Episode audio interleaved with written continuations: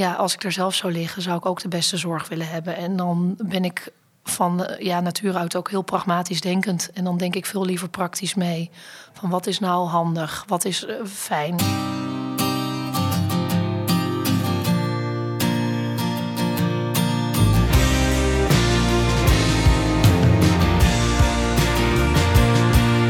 Je luistert naar de podcast Naast Noordwest.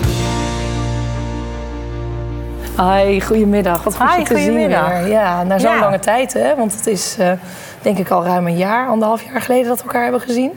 Ja, nou, we hebben vorig jaar oktober nog geopereerd, dus dat is de laatste keer. Ja, eh, precies. ja. precies ja, Ja, nou, voor mij een beetje gek om hier weer eh, in dat deze omgeving goed te zijn. Ja, want het is eigenlijk iets wat je al een beetje achter je begint te laten. Ja, gelukkig wel. Maar waar Ja. we vandaag nog wel met elkaar over gaan hebben. Ja, Ja, want je hebt een mooi verhaal te vertellen.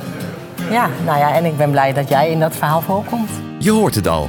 In deze aflevering een bijzondere ontmoeting tussen een patiënt en een chirurg. Nou, ik ben Romina, ik ben eh, 47 jaar, ik kom uit Den Helder. Ik werk als jobcoach eh, op het ROC eh, Kop van Noord-Holland, wat nu eh, Vonk heet. Eh, ik ben eh, al heel lang single en ik heb een eh, zoon van 18, een heerlijke puber die me goed bezighoudt. Mijn naam is eh Jorien Werkman. Ik ben plastisch chirurg eh, bij Noordwest.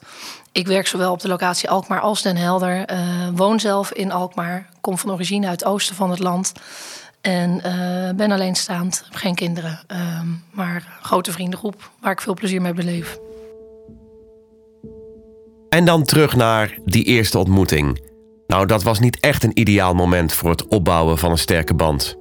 Nou, in eh, februari 2020 kreeg ik de diagnose borstkanker. En dat bleek een eh, hormonale tumor te zijn aan mijn linkerborst. En nou, toen ging ik het hele traject in. En eh, nou, de eerste stap was eigenlijk een operatie. En eind maart eh, zou ik geopereerd worden. Maar was natuurlijk net die hele coronapandemie, die ging los. En nou, ik lag eigenlijk al in mijn blauwe he- hemdje op de holding. En toen bleek ik koorts te hebben. En nou, dat was eigenlijk mijn eerste ontmoeting met jou. Want ik had mijn voorgesprek had ik met een andere plastisch chirurg. En eh, nou, ik kreeg vanuit, door de spanning ook nog een kriebelhoestaanval. Dus de gordijnen gingen dicht. Ik moest een mondkapje op, haarnetje kwam op. De patiënt naast me werd verplaatst. Dus ik, eh, ik, kreeg helemaal stress van, oh, wat gebeurt er nu? Nou, en toen kwam jij met, ik weet niet meer wie de andere arts was. Geen Ja, idee. Dokter Mollema was Oh ja, nou, jou Ja. kan ik me nog wel herinneren. En eh, nou, natuurlijk mondkapjes op, dus geen idee hoe je eruit zag. En toen kreeg ik de mededeling van, nou, je operatie gaat niet door. Dus dat was eigenlijk onze eerste eh, ontmoeting. Ja, ja, dat was een vrij heftige, heftige eerste ontmoeting inderdaad, Ja, waar we in ja. gingen. Ik hou er ook niet van dat je dan op afstand en dan helemaal niet met een mondkapje voor... dat je dan met iemand op die manier kennis moet maken die je Ja. eigenlijk helemaal niet kent. Kijk, hadden we elkaar van tevoren gesproken... dan was het gesprek denk ik al heel anders geweest. En nu ehm ja het gaan we denk ik met de deur in huis vallen voor je, of Het niet? was een hele bijzondere situatie inderdaad. Ja. Ook omdat de, zeg maar, de verpleegster die naar, mij naar boven had gebracht... die kreeg eigenlijk al op haar kop toen, toen ik binnen werd gebracht. Dus Ja. daar, daar had ik al een beetje nou ja, medelijden mee. Ik denk, jeetje, en, ja, je besef je toen nog niet echt van wat corona allemaal... Wat, ja, wat het allemaal Ja. doet. En nu eh, ja, heb je er dan zelf mee te maken. Ja, wat, wat ik me nog heel goed kan herinneren... is dat jullie inderdaad al bij aan mijn, aan mijn voeteneind stonden... en Ja. iedereen op afstand. En ik, daarvoor dat jullie binnenkwamen, bleef ik maar hoesten... en niemand Ja. kwam me water brengen. Dus ik voelde me heel zielig op dat moment. Dat ik me heel maar ondanks dat jij een mondkapje op had... Ja, wist je me toch wel gerust te stellen. Dus dat, ja, dat is eigenlijk me altijd wel, eh, wel bijgebleven. Dat, ja, gewoon de blik in je ogen en je hand op mijn been. Dat, je, nou, dat voelde wel heel geruststellend. Dus, dus dat eh, vond, ja, vond ik wel heel prettig. Dat je, want wat ik, ja, ik, dat was eigenlijk het eerste moment van mijn hele ziekteperiode... dat ik echt wel heel verdrietig was. Dat ik Ja. dacht van ja, die tumor moet er gewoon uit. Weg met dat ding. En Ja. ja. Ja, dan gaat het niet door. En dat je meteen denkt van... oh, nou, dan blijft die langer zitten en wat dan? Dan spelen alle sceario's door je hoofd Ja. heen, denk ik ook. Ja. Zeker met je zoon ook thuis natuurlijk. Ja, precies. Maar goed, jij kon heel goed uitleggen wat dan inderdaad de mogelijke ja, gevolgen of de ja, andere alternatieven waren. Dus ja, dat heeft me wel eh, gerustgesteld, gelukkig. Ja, gelukkig maar. Ja. Het, was, eh, het, het was voor ons allemaal denk ik een situatie die, eh, ja, die je bijblijft. Eh, op die Ja, het was voor jullie ook Ja. natuurlijk allemaal nieuw dat, ja, hoe je met corona dan moet dealen. Ja, Dus, hoe je ermee omgaat. En zeker op het moment dat je dat, ja, je hebt dan nog niet vaak meegemaakt dat mensen ook misschien COVID verdacht zijn, maar wel geopereerd moeten worden. Ja. En dan wil je iemand graag een goede behandeling bieden. Ja. Maar we wisten ook nog niet wat de narcose op de COVID zou gaan doen. En of je daar Nee. misschien dan, als je echt COVID zou hebben, misschien wel hartstikke, hartstikke ziek van zou worden. Of misschien wel niet van de beademing af zou komen. Nee. Nee, Een dat heb je toen inderdaad wel goed uitgelegd. Ja, Ja, en het bijzondere was, toen uiteindelijk werd, werd ik toch sneller geopereerd dan gepland. Maar toen had ik weer koorts. ja precies. Ja. precies. Maar toen hadden we inderdaad vlak daarvoor een COVID-test gehad. En eh, nou, toen, mocht ik, eh, toen kreeg ik een go. Dus daar Ja, was ik wel heel blij mee. Precies, ja. Dat weet ik nog. Je kwam dat volgens mij ook nog vertellen persoonlijk. Dus daar was. Want de verpleegster ging weer terug. Van, oh, dan moet ik weer overleggen. ja. Dus ik zag de bui alweer hangen. Ik denk, nee, dan gaan we weer. Mag ik weer naar huis? Ja, precies. Ja, dat was eh, bijzonder. Ik denk dat uiteindelijk was het anderhalve maand later... Hè, dat je uiteindelijk Ja, alsnog zes geopereerd weken kon inderdaad, ja. Uiteindelijk werd Romina succesvol geopereerd. Maar toch even terug naar dat moment. Je ligt klaar voor de operatie, daar heb je op voorbereid. En een chirurg met een mondmasker op komt je vertellen dat het allemaal niet doorgaat. Blijkbaar deed Jorien dat met zoveel empathie dat Romina haar zelfs roemt in het boek dat ze schreef over haar ziekte en herstel. Is Jorien zich bewust van hoe ze overkomt op patiënten? Ja, ja nou, of dat je bewust bent van zo'n situatie, dat denk ik wel. En ik denk dat je ehm, heel veel verschillende soorten artsen hebt. En dat eh, gaat denk ik van uit de basis al mee. eh, eh, het karakter wat je hebt, wat je in je opvoeding al mee hebt gekregen natuurlijk ook. Maar ik denk dat ik me altijd wel heel bewust ben van het feit dat ik op een operatiekamer rondloop... en daar ook een heel groot gedeelte van de tijd een mondkapje op heb dat ik er sowieso daar altijd al heel anders uitzie in eh, mijn operatiepak en mijn kapje op. Dan dat ik er in mijn witte doktersjas uitzie. Dus ik heb ook met regelmaat dat je merkt dat patiënten je niet direct herkennen.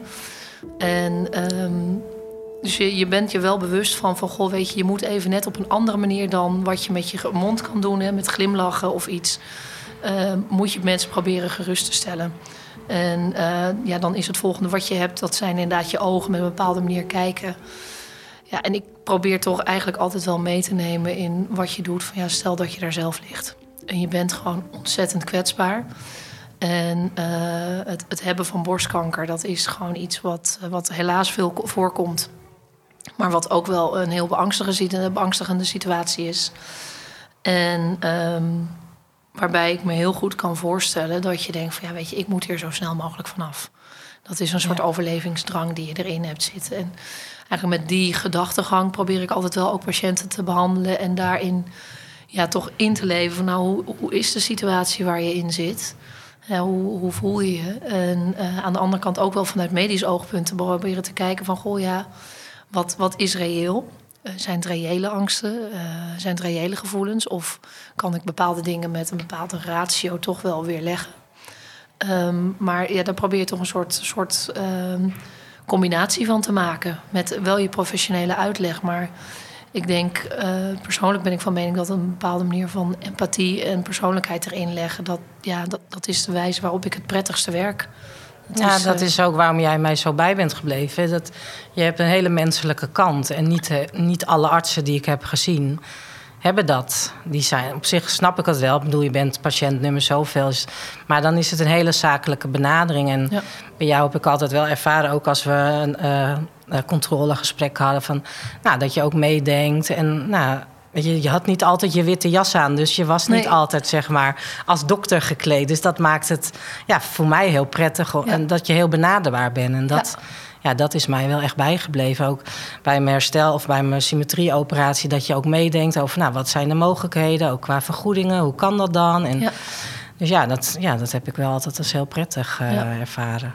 Nou, fijn om eh, te horen in ieder geval. Maar dat, ja, ik, ik, wat, ik, wat ik zeg, het is. ehm, en ik weet niet eens waar dat is ontstaan, of dat in mijn opleiding is ontstaan, of. ehm, ja, wellicht al wel dat mijn ouders, dat ik kom vanuit een medisch gezin ook. Dus dat ik dat vanuit mijn ouders ook wel mee heb gekregen. Eh, maar probeer gewoon in, voor te stellen dat je zelf daar in dat bed ligt. En dat je Ja. dan, dan, kijk, heel veel dingen zijn voor mij dagelijkse kost.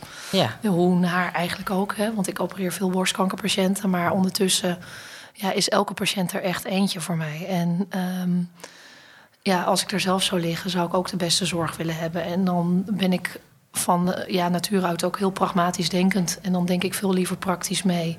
Van wat is nou handig? Wat is uh, fijn? als ik daar zelf zit, wil ik ook graag dat iemand net even wat makkelijker en niet volgens de protocollen denkt. Of niet Ja. volgens de standaardrichtlijnen denkt. Maar Maar hoe was het voor jou dan om mij die mededeling zeg maar, te doen? Van, ja, nou, vreselijk. Ja, ja. dan, dan denk je echt wel van, nou, dit is echt gewoon, dit, dit, dit wil je eigenlijk liever niet. Nee.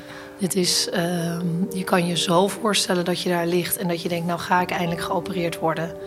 En ik heb al een pijnlijk onderzoek van tevoren gehad. En eh, je zit al in paniek. Je hebt het thuisfront, heb je alles geregeld. eh, dat het aan kant is. Hè. Je zoon Ja. was toen wat jonger ook natuurlijk. Dus je hebt alles in kan en kruiken. En ehm, ja, ergens is het toch ook altijd wel zo dat dan eenmaal door die deuren van die operatiekamer heen, dan is dat altijd een beetje het gevoel van, nou, nou ben ik in ieder geval op de afdeling, hè? nou kan ik Ja. gaan. Ja, En dan precies, nou ja, eigenlijk met je voet op de drempel zeggen we alsnog, ja, dat gaat niet door. nee. Ja, dan, dan besef je echt wel dat je iemand gewoon ontzettend vervelende mededeling geeft. Kan je dat dan voor de rest van de dag loslaten? Of blijft Nee. dat in je hoofd? Nee, ook? dat, dat speelt wel in je hoofd mee.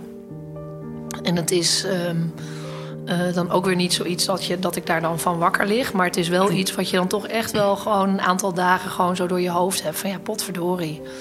Eh, dat, dat, dat zou ik. eh, had- dat, het was fijn geweest als het anders was gegaan. Want ik denk niet dat we het achteraf gezien op een andere manier.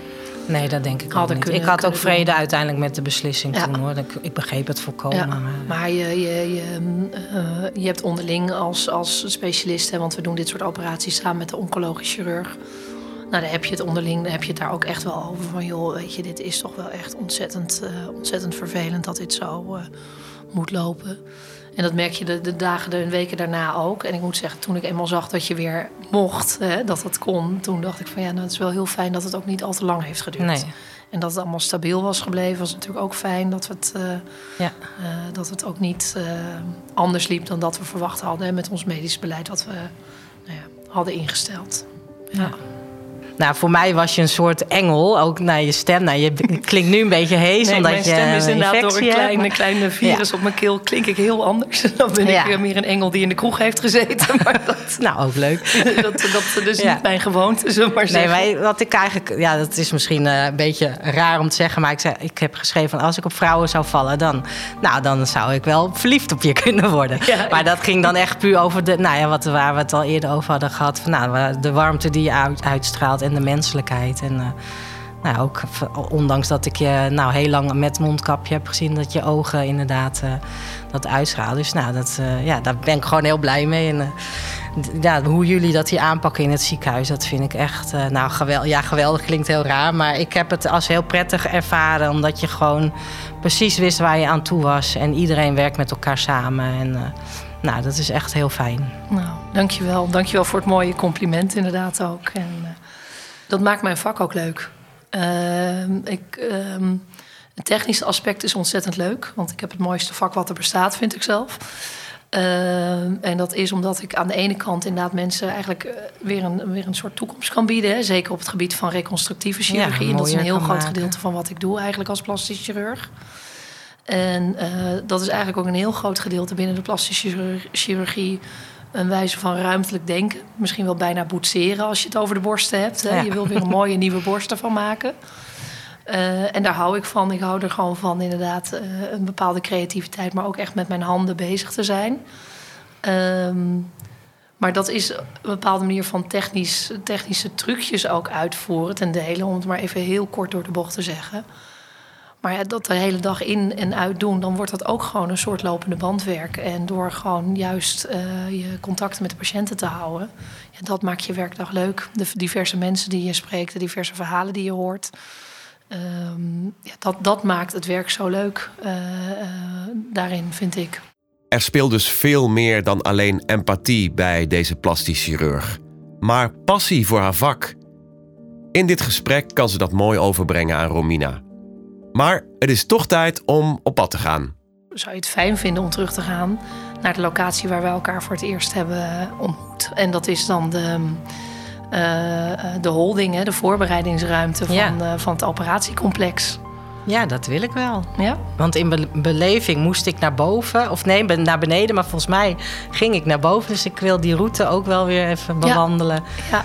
Dat ik het dat weer wat helder heb. Want toen ik terug werd gebracht, zat ik huilend op mijn bedje. Werd ik Ja. geduwd door verpleegster. En ik dacht echt van, ik denk echt van, oh, iedereen die mij ziet, die zal wel denken, wat is er met die vrouw? Wat is er aan de hand? Want ik was Ja. echt bijna aan het hyperventileren.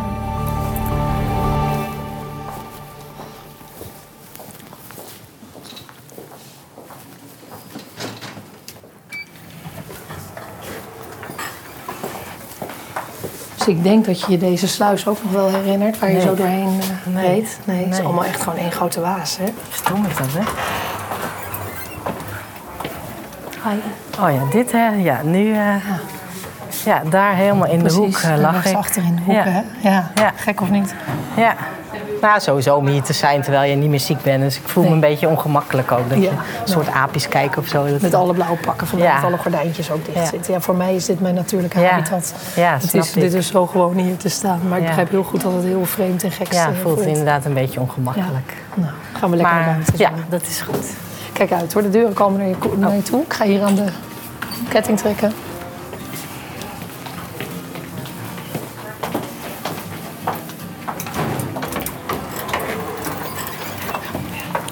Het voelt inderdaad wel een beetje als een afsluiter of zo. Van, Ja. eh, ja.